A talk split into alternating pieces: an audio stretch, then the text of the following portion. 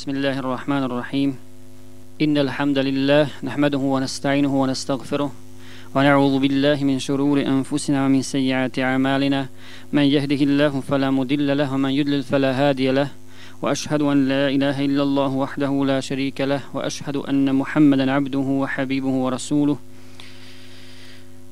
وبعد السلام عليكم ورحمة الله وبركاته Slava i zahvala, zahvala pripadaju Allahu subhanahu wa ta'ala, gospodaru svih svjetova. Njemu zahvaljujemo, od njega pomoć tražimo, od njega oprost tražimo. Allahu dželešanohu se utječemo od zla naših duša i od naših loših dijela. Allaha dželešanohu molimo da nas učvrsti na putu istine, da ubrza pobjedu istine, da nam oprosti grijehe, i da nas inša Allah udruži sa dobrima. Draga braćo i poštovane sestre, mi ćemo večeras inša Allah nastaviti naš ders. Od prošli put mi smo imali dva dersa o slabosti, o znakovima slabog imana, a večeras ćemo inša Allah govoriti o liječenju srca od slabosti imana. Dakle, koji su to lijekovi za slab iman. Na početku ćemo, inša Allah, citirati hadis kojeg bilježi Hakim i Tabarani od Rasula sallallahu alaihi ve sellem da je rekao zaista se iman u prsima jednog od vas haba ili stari kao što se haba odjeća pa obnavljajte iman u vašim srcima dakle to je dokaz Rasul sallallahu alaihi sallam na slikovit način ukazuje na to da se iman u ljudskim srcima haba da se on smanjuje. To je dokaz da se iman smanjuje i povećava. Ili jedan drugi slučaj drugi primjer drugi hadis gdje Resul sallallahu alejhi ve sellem također objašnjava to stanje kad kod, kad kod čovjeka nastupi taj futur ta malaksalost slabost imana.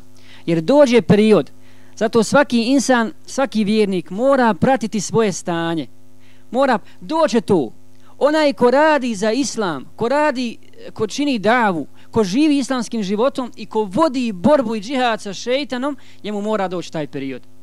Dođe taj period kada se nadbiju nekakvi oblaci, kada, kada čovjeka prekrije to, pa malaksa, pa se razočara, ne daj Bože, i skrene s puta i tako dalje. Međutim, vjernik se lahko snalazi. Vjernik može skrenuti, ali se brzo vraća. Ali se brzo vraća. Pa kaže Rasul sallallahu alaihi ve sellem, nema ni jednog srca ljudskog, a da se nad njim ne nadvijaju oblaci kao što se nadvijaju nad mjesecom kada on sja. I kada se nadviju oblaci nad mjesec, sakriju njegovu svjetlost. Zađe mjesec, nema ga. Pa kada nestanu, opet mjesec sija kao što je sijao. E tako isto i iman.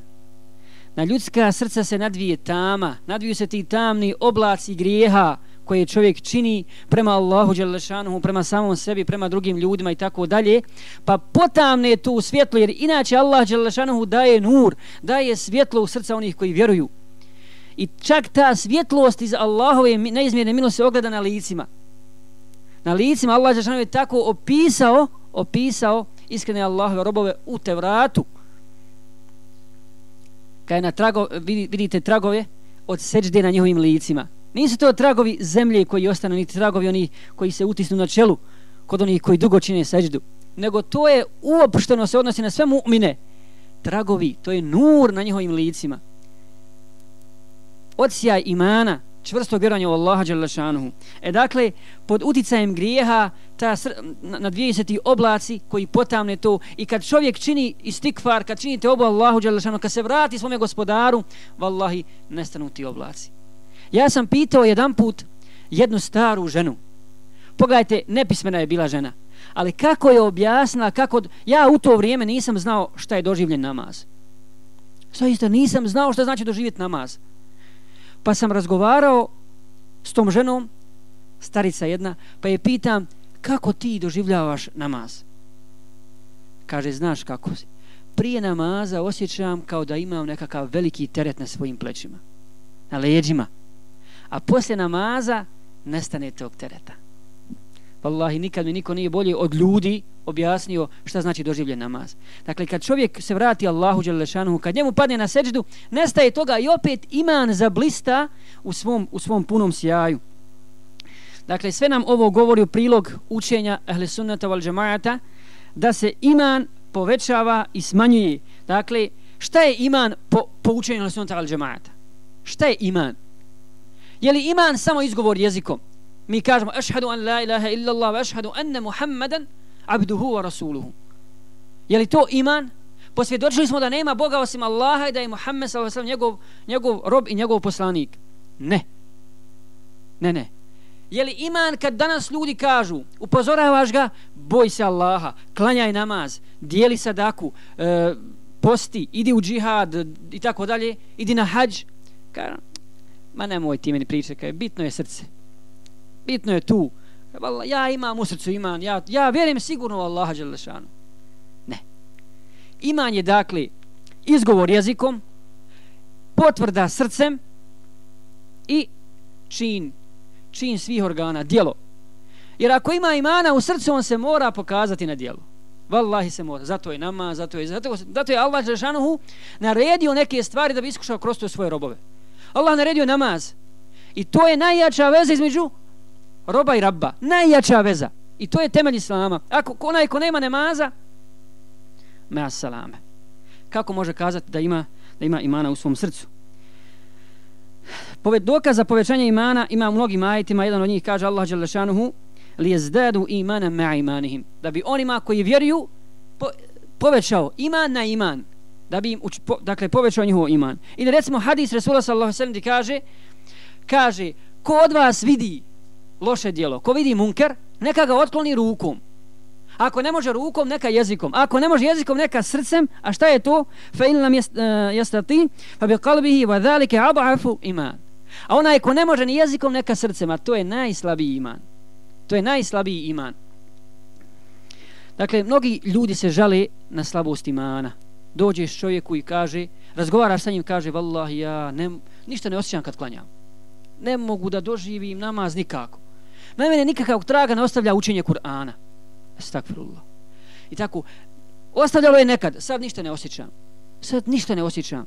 Dakle, osjećam tvrdoću srca. Zbog čega? Zbog toga, braćo, što je iman. Iman stva, stvar između čovjeka i njegovog gospodara. I ako tu dođe do slabosti, do kidanja veza, onda ti ne može niko pomoći od ljudi. Niko osim da se ti vratiš svome gospodaru i da budeš iskren prema njemu. E to su ti znaci slabosti imana. I ljudi pričaju o tome i traže lijeka. Zbog čega? Zato što je to, ako to oboli, ako srce oboli, to je najteža bolest za čovjeka, vallahi. Nije žalost kad čovjek umre, ako je mu'min. I to nije umiranje, jer je to samo preseljenje iz jednog života u drugi koji je vječan. Koji je vječan. Allah pripremio za umire najveću nagrozu, zar je to žalost? Zar je žalost kad budeš sa svojom porodicom u džennetu? Zar je žalost kad, kad, kad budeš vidio svoga gospodara? Zar je žalost kad budeš u društvu sa sahabima, sa poslanikom, sa vasem? To žalost? Wallahi nije. Žalost je i čovjek umire pravom smrću kad mu umre srce. Jer ako mu umre srce, nema onda za njega. Za njega nema izlaza. Za njega nema izlaza. I dakle, ljudi traže lijeka od te bolesti. A kako ne bi tražili lijeka od te bolesti kad traže lijeka od mnogo, od mnogo, mnogo, mnogo manjih bolesti? Čovjeka zaboli glava ili hronično, hronično ga boli glava, pa boli ga zub, ali traže od toga lijeka. Kako neće tražiti lijeka kad oboli srce? Allah Đelešanuhu je dao lijek i za to. Dao lijek kad oboli srce ili kad oslavi iman u ljudskim prsima, dao Allah mogućnost da se čovjek izliči, da se vrati i da njegov iman zasija svojim punim sjajem. Pa prvi od tih lijekova koji ćemo danas navesti, inša Allah, jeste, braćo, učenje Kur'ana, proučavanje Kur'ana i razmišljanje o Kur'anu i o njegovom, njegovom tekstu. Dakle, Kur'an kojega je Allah Đelešanu objavio kao, kao svjetlost i kao uputu svim svjetovima do sudnjega dana – I u Kur'anu je zaista veliki lijek za uh, ljudska prsa. Kaže Allah dželle šane a'udhu billahi minash shaitanir rajim ono, wa nunazzilu minal qur'ani ma huwa shifaa'un wa rahmatun lil mu'minin i mi smo objavili Kur'an i u njemu je lijek subhanallah shifaa'un wa rahmatun lil i milost za mu'mine. Allah spominje ovdje lijek baš izraz šifa lijek i zaista je veliki lijek u Kur'anu i učenju Kur'ana Tako mi Allaha kad ti šeitan najviše dođe, kad te napadne. Ovo je jedno iskustvo koje ga trebate zapamtiti. I paz, zapamtite ga dobro i primijenite ga i vidite inša Allah da je lijek. Kad ti dođe najveća ti je skoba u prsima. Dešava se to svakom insanu. Ti je skoba u prsima, stjesni ti se u prsima, tjesan ti dunjaluk bez obzira koliko bio prostran. Bez obzira koliko ti bio bogat, bez obzira šta ti imao od, od dunjaluka, dođe trenutak jer iman ljudski iz ljudsko srce, ljudska priroda fitra ne trpi zlo. I normalna stvar ta duša koja ako se nagomila grijeha, tijesno ti je, tebi je teško. Osjećaš težinu. Tada uzmi abdest i uči Kur'an. Ako si iskren prema Allahu, vallahi će nestati te tegobi. Val, to je iskustvo. Pričam vam samo ono što je, što, što je moje lično iskustvo. Uzmi Kur'an, abdesi se, očisti se, uzmi Kur'an i uči koju god hoće stranicu. Koju god hoće stranicu, to je Allahova riječ, subhanallah. I vallahi, iskreno srce ne ostavlja ravnodušnim Allahova riječ. A primjer za to, braćo, najbolji za nas jeste usvatun hasanatun Rasulu sallallahu alaihi wasallam, koji bi cijelu noć, subhanallah, cijelu noć stajao na kijamu i učio samo jedan ajet. Samo jedan ajet. Dakle, bilježi se u uh, hadijskim zbirkama da je Resul s.a.v. cijelu noć učio i ponavljao ajet Eudhu billahi mine šeitan rajim In tu'adhibuhum fa innahum ibaduk Va in tagfir lahum fa innaka entel azizul hakim I ponavljao ga cijelu noć Šta, šta znači?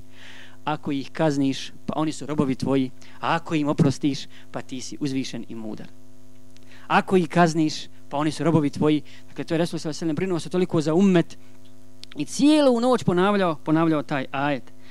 Prenosi se još jedan sluša, slučaj vezan za Rasula sallallahu alejhi ve sellem i za njegovo bdijenje. Za njegovo bdijenje. A val, insan često puta čuje ove hadise koje mi citiramo, a Boga mi su vazda novi. Kad ih god, kad ih god citiraš ponovo, uvijek su novi. Prenosi se od Ibn Hibbana, prenosi Ibn Hibban od Ata, radijallahu ta'ala anh, da je on ušao zajedno sa Ubejdullahom ibn Umeirom kod Aiši, majke svih vjernika, radijallahu ta'ala anha, pa je upitao Meri Aišu,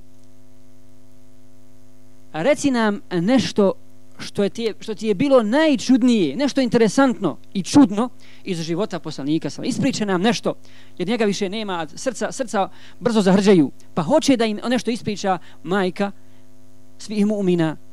Pa kaže Aisha radijallahu ta'ala. Jedan put je ustao jednu noć, uzeo je abdest i stao da klanja i cijelu noć je tako i stajao na kijamu i učio toliko je učio i plakao. Plakao kaj da, da, da, da mu je se krilo krilo sve natopilo suzama odjeća dakle krilo. Natopila suzama. Pa i dalje je stajao tako i plakao dok nije natopio zemlju gdje je činio seđu suzama. I kaj je došao je Bilal radijallahu ta'ala dotle je sve klanjao do sabaha. Došao je Bilal i učio je ezan. Pa kad je sučio ezan, vidio Resula sallallahu alaihi ve sellem uplakanog, pa ga pita, ja Rasulallah, zašto ti plačeš, a oprošteni ti grijesi i prvi i posljednji? Pa kaže, o Bilale, zar da ne budem zahvalni Allahov rob? Kad je tako mi Allaha, meni noćas objavljen jedan ajet, ili nekoliko ajeta, nekoliko ajeta. Teško onome ko ne bude razmišljao o njima. Teško onome ko ne bude razmišljao o njima pa kaže Eulu billahi mine šeitanir rajim Inne fi halqi samavati wal ardi wa ihtilafi lejli wa nahari le ajati li ulil albab Zaista u stvaranju nebesa i zemlji u smjeni dana i noći ima znakova za one koji su razumom obdareni الذين يذكرون الله قياما وقعودا وعلى جنوبهم ويتفكرون pa je tefakkaruna fi halke samavati kako je kaže oni koji spomenju Allaha i stojeći i sjedeći i ležeći i razmišljaju onome što je Allah stvorio. Dakle, to su ti ajeti koje je Allah Žešano objavio Rasulu te noći i kare teško onome ko ne bude, ko ne bude razmišljao o tome. Jer zaista su u Kur'anu veliki ibreti, velike pouke, braćo. U Kur'an, posmatrate kur'anski sadržaj. Vrlo je važno kad čovjek uči Kur'an da pored učenja samog da uzme poslije toga ako ne zna arapski, ako ne razumije arapski, a to je velika blagodat ko razumije, ako ne razumije ima prevod, vallahi Allah dadne bereket i kad ti razmišljaš i u tom prevodu. jer to je prijevod značenja, približanje, približanje čovjek može osjetiti, osjetiti tu istinu. U Kur'anu, Kur'an je, u Kur'anu je sadržan tevhid. Tevhid, to je osnova To je ono što su pozivali svi poslanici. Izdvajanje samo Allaha Đelešanu u obožavanju i robovanju njemu. Tu je sadrana obećanje za one koji budu istinski Allahi robovi. Tu je prijetnja za one koji ne budu vjerovali u Allaha Đelešanu. Tu, je, tu su propisi, odredbe. Tu, je, tu, je, tu su dalje vijesti o prijašnjim narodima. Adabi, tu je ahlak opis ahlaka i njegovi tragovi na ljudsku, ljudsko srce. Dalje, tu su određene sure, jer često puta određeni ajeti jače djeluju na ljudsku dušu od drugih. Zbog čega? To je log prirodno, zbog toga što neki ajeti djeluju samo na, na, na dušu, na odgoj duši. Ili, kad se spomenju ajeti o sudnjem danu, kaže Resul sallallahu alaihi ve sellem, objeliše me, osje, osjedi me sura Hud njene sestre. U drugom, u drugom rivajetu stoji kaj osjediše me sura Vakija, Mursalat, Amme i Izešem su kuvrat. A onaj ko hoće da uči ajete o sudnjem danu i da razmišlja o sudnjem danu kao da ga vidi, neka uči suru i zašem su kurat. Wallahi, braćo, ashabi Rasula sallallahu alaihi ve sellem ovo su dobro shvatili i slijedili su poslanika sallallahu alaihi ve sellem i razmišljali su o Kur'anu i primjenjivali u svojim životima i on je ostavljao veliki trag i to im je bio najbolji lijek od slabosti imana i od slabljenja imana. Pa mi znamo za slučaj Abu Bakra radijallahu ta'ala an da ashabi ništa nisu shvatili kad bi on uči Kur'an. Nismo govor od suza, koliko je, koliko je plakao. Mada bi on ponavljaj mnoge ajete, ali ne bi, ne bi, zagrsaj bi toliko da ga oni ne bi razumili šta bi uči. Omer radijallahu ta'ala an se razbolio. Razbolio je, pao je na postelju učijeći ajet inna azabe rabbika, inna azabe rabbika lavaqa.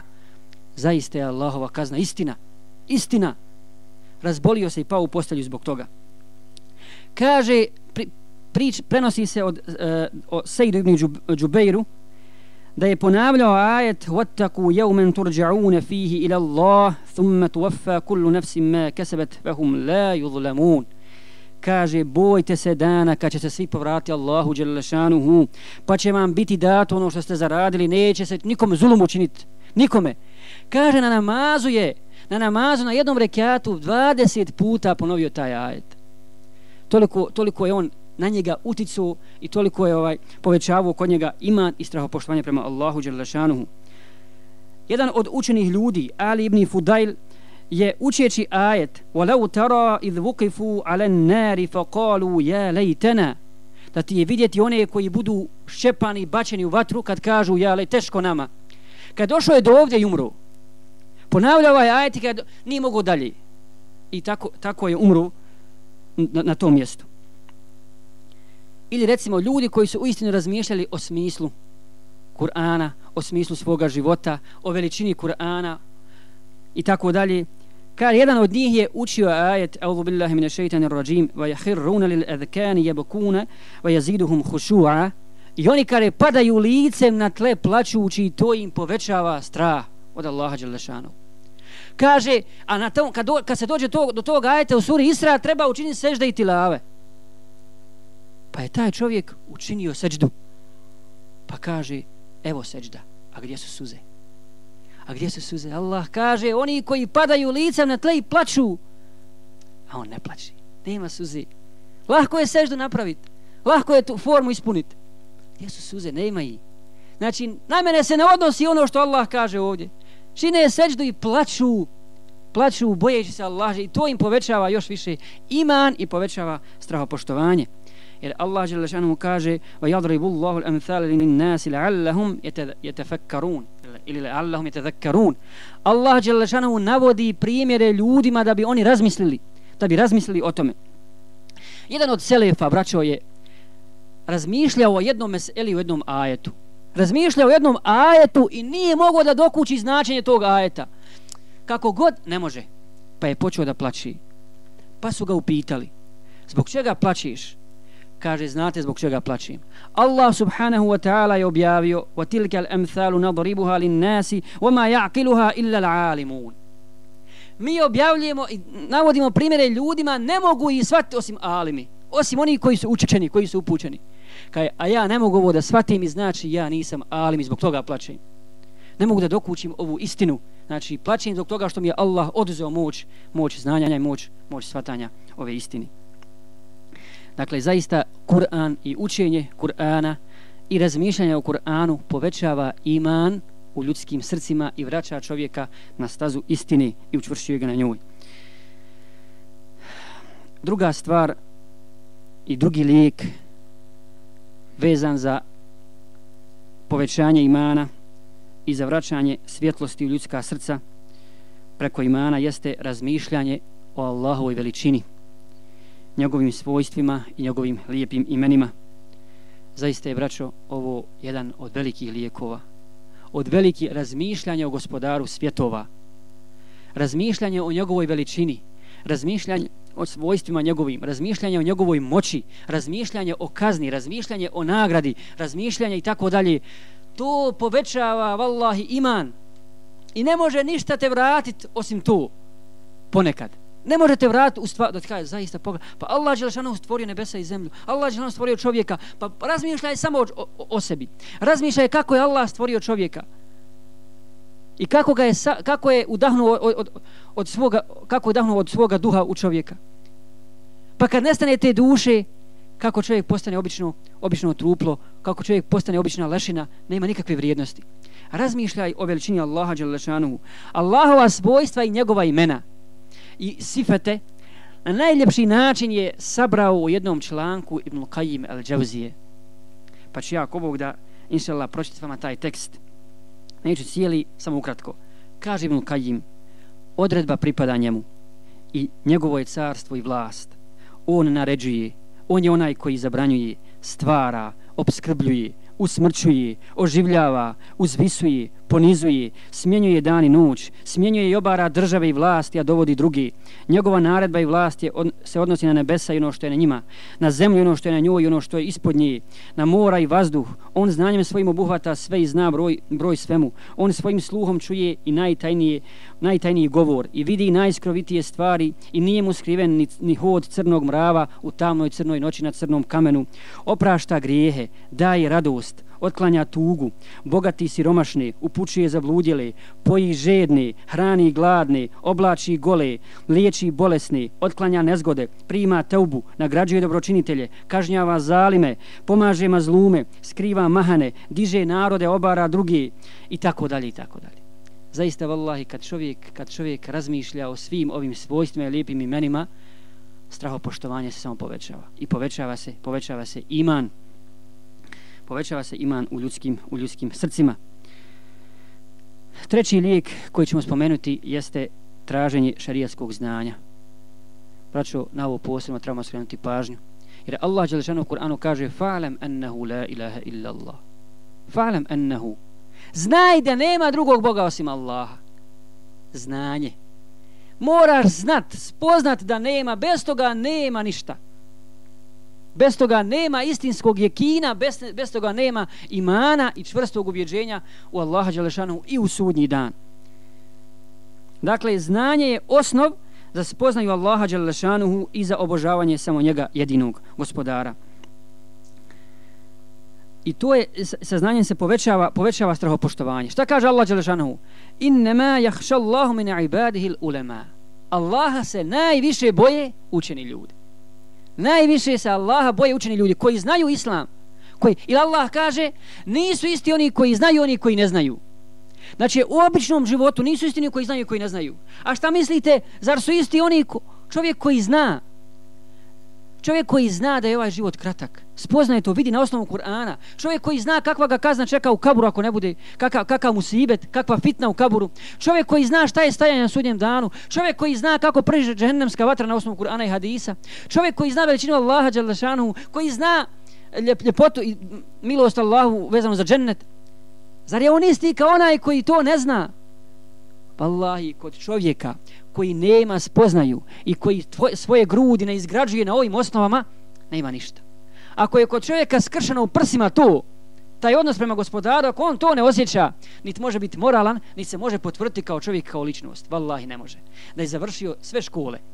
Ves, onaj ko ne zna svoga gospodara, on je džahil i on je najveći, najveći nepismenjaković. Zato su upitali jedan put Ahmeda ibn Hanbala za čovjeka, za čovjeka koji puno čita hadise. Kad ima čovjek koji puno čita hadise, kaže šta ti kažeš za njega? Kaže, nadam se da će mu to povećati djela. Jer razmišlja, razmišljat o tim hadisima. Šta je rekao da sada? Pa će požuriti da učini dobro, jer vrijeme ne čeka, ono ide, odmiči. A onaj ko uči islam, ko uči šerijat, on će požuriti sa dobrim, požuriti sa dobrim djelima. Dalje imamo divnih primjera iz života ashaba, tabiina i o, ostalih ljudi iz Selefa koji su razumijeli Kur'an i trudili se, trudili se da povećaju svoja dobra djela. Kaže, prenosi se o Ebu Davudu da je on oblačio odjeću či jedan, jedan rukav te odjeće je bio uzak, normalan, a jedan je bio širok. Pa su ga pitali što tako nosiš odjeću?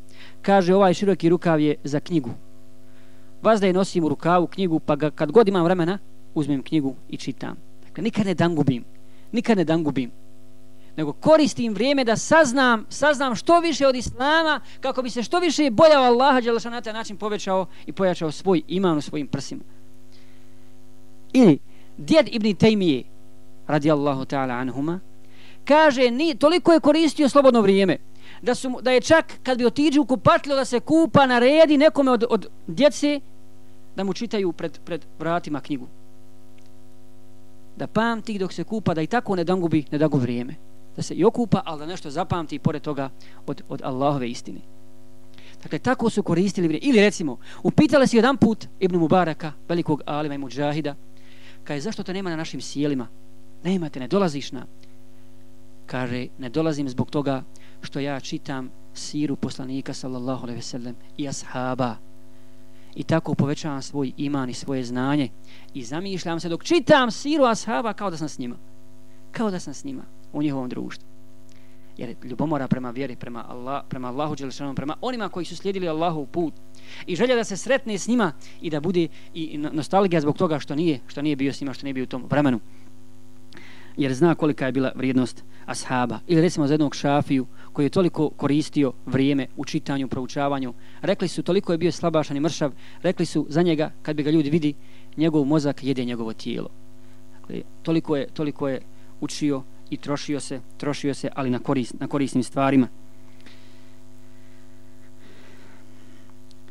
Sljedeći lijek za slab iman, odnosno sljedeći lijek za povećanje imana, jeste, braćo, sjedinje u halkama zikra spominjanje Allaha Đelešanu, proučavanje Kur'ana, hadisa i ostalih islamskih znanosti. Ovo je zaista jedan načina da se poveća, da se poveća iman i da se vrati svjetlo u ljudsko srce. Jer Allah Đelešanu spušta svoju milost i spušta bereket na takve skupove, spušta smirenost na takve skupove. To je još od jedan, jedan od, od, uh, jedan od mogućnosti da se braća još više ujedine na istini da saznaju od istine i da na taj način postanu, postanu još čvrši saf kaže Resul sallallahu alejhi ve sellem neće se okupiti ljudi radi zikra a da se a da sa njima neće biti meleki i da Allah dželle neće spustiti smirenost svoju na te robove i da i neće spomenuti Allah kod onih koji su kod njega. Allah spomene ljude kod onih koji su koji su kod njega meleki meleki koji koji imaju svoje zadatke od Allaha dželle a kaže kada se raziđe taj skup kada ljudi ustanu sa tog sjela gdje su učili o Allahu Đelešanuhu, gdje su razmišljali o Allahovim ajetima i znakovima i povećaju se iman, kaže Allah Đelešanuhu, idite, oprošteno vam je. Idite, vama je oprošteno. Dakle, ti skupovi su vrlo bitni i vrlo je potrebno proučavati nauku, družiti se sa Kur'anom i sa hadisom Rasula sallallahu alaihi ve sellem, jer vrijeme smutnji je danas zaista veliko, vrijeme fitne je veliko. Čovjek se ne može spasti od toga, osim na ovaj način, da stalno bdije da stalno bdi nad svojom dušom, da bdi nad sobom. peti lijek braćo jeste mnoštvo dobrih dijela. Iman se povećava rekli smo činjenjem dobrih dijela a smanjuje se činjenjem loših dijela. Iskorištavanje svakog momenta u dobru. I ne ima jedna greška kod ljudi što često puta omalovažavaju neko dobro. Pa njima se to čini tako malo sićušno wallahi onaj ko zna koliko će biti potrebno dobrih dijela na vagi na sudnjem danu neće malovažiti ni jedno dijelo. I iskoristit će da uradi što god može više dobra makar bilo i malo. Primjer za to su opet ashabi. Vi znate posjećivao i spre... nije nimao nikoga ona. Posjećivao i spremao joj kuću donosio sve ono što treba na miri bije onda bi otiži posle sabaha. I Umar radijallahu ta'ala je to primijetio i on bi isto tako, ali nikad ne bi, vas da bi zakasni. Vas da bi ga Ebu Bekr pretekni u tome. Nije mogao on nikako prije njega. Pa kada je došao Ebu Bekr za halifu, kada je umro Resul sallallahu alaihi ve sellem, kaže Umar, e sad će njega obuzeti obaveze državnika, on je sada halifa i ja ću inša Allah sad preteći njega u tome, barem u tom. To je sič, izgleda sičušno, ali nije pa je isto jedno jutro došao prvi prije u Bekra.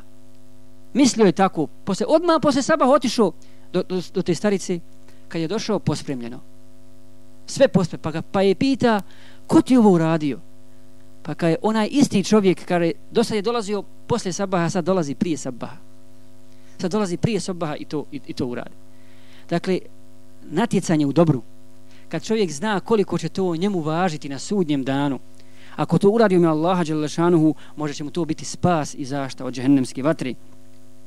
Jednoga dana je Resul sallallahu alaihi ve sellem u društvu ashaba pitao, pitao ko je od vas danas osvanuo kao postač?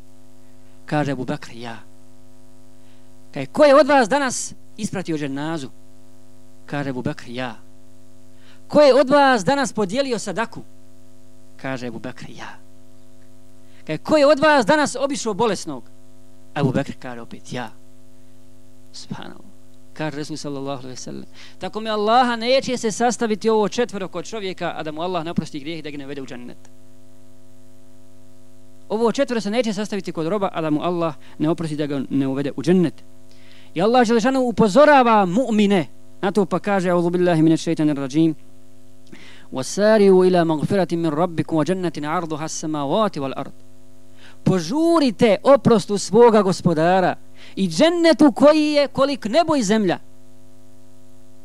Subhanallah. Allah upozorava mu'mine kaj požurite oprostu gospodara. Šta čekate? I džennetu Allahovoj nagradi za vas koji je kolik nebo i zemlja. Kako su ovo shvatili ashabi? Na dan Bedra Na dan Bedra Resul sallallahu alaihi ve sellem je izašao i rekao Kumu ila dženneti, Kumu ila dženneti arduha samavati wal ard. Idite ili ustanite prema džennetu koji je kolik nebo i zemlja. Pa je rekao jedan od ashaba Umeir ibn Hammam al-Ansari Džennet koliko nebo i zemlja? Ka Resul sallallahu alaihi ve sellem da. Pa je on rekao Bahim bah. Kao da je Pa je Resul sallallahu alaihi ve sellem pomislio da on to govori zbog nekako je to čuđenje, to je znak nekakvog čuđenja.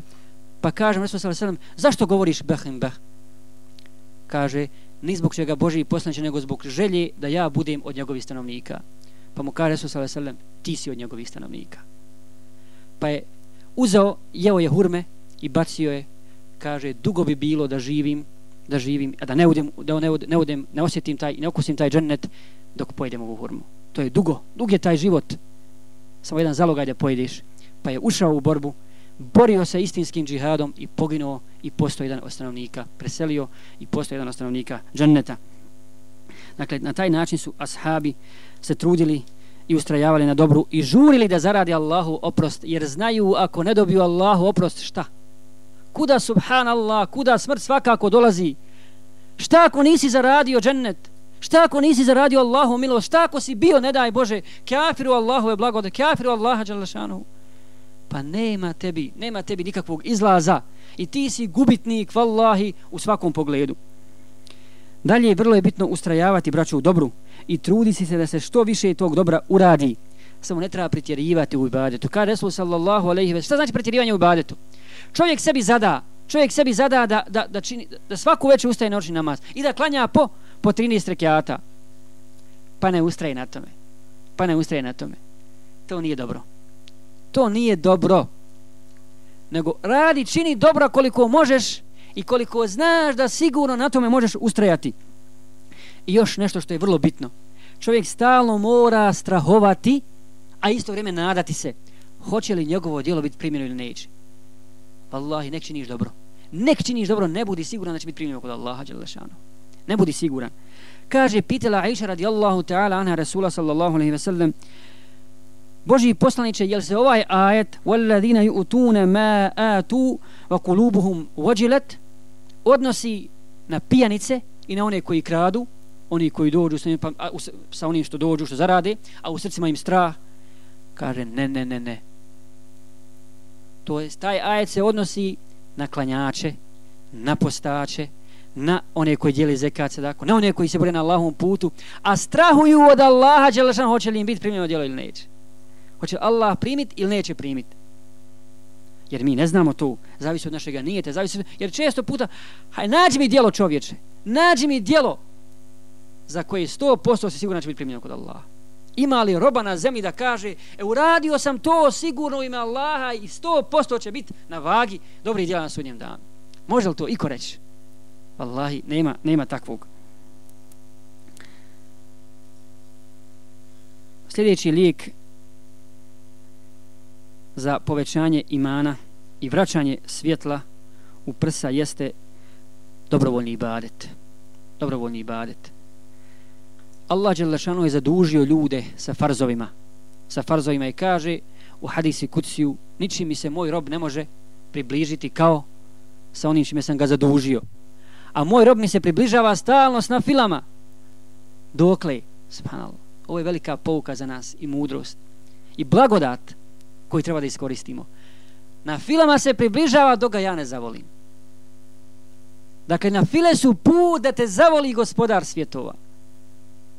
A kaže, kada ga ja zavolim, ja postajem njegov sluh kojim, gleda, kojim čuje, njegov vid kojim vidi, njegove ruke kojima, kojima dodiruje, njegove noge kojima ide. Šta to znači? Allah Đelešanu bdije i čuva takvog roba i neće taj nikad slušat ono što ne volja, neće gledat ništa ono što je Allah zabranio, neće svojom rukom dodirnuti haram, neće svojom nogom kročiti na put harama i tako dalje. Dakle, na filama se insan približava Allahu Đelešanu sve dotle doga Allah Đelešanu ne zavoli. Jer pogledajte što, kad je u pitanju na fila, koliko na fila čovjek može da klanja. Recimo, između, izutra između, između sabaha i podne, vallahi je veliko vrijeme. Puno je vremena između sabaha i podne, čovjek ne klanja ništa. Da čovjek nikad, nikako ne padne Allahu na seđdu.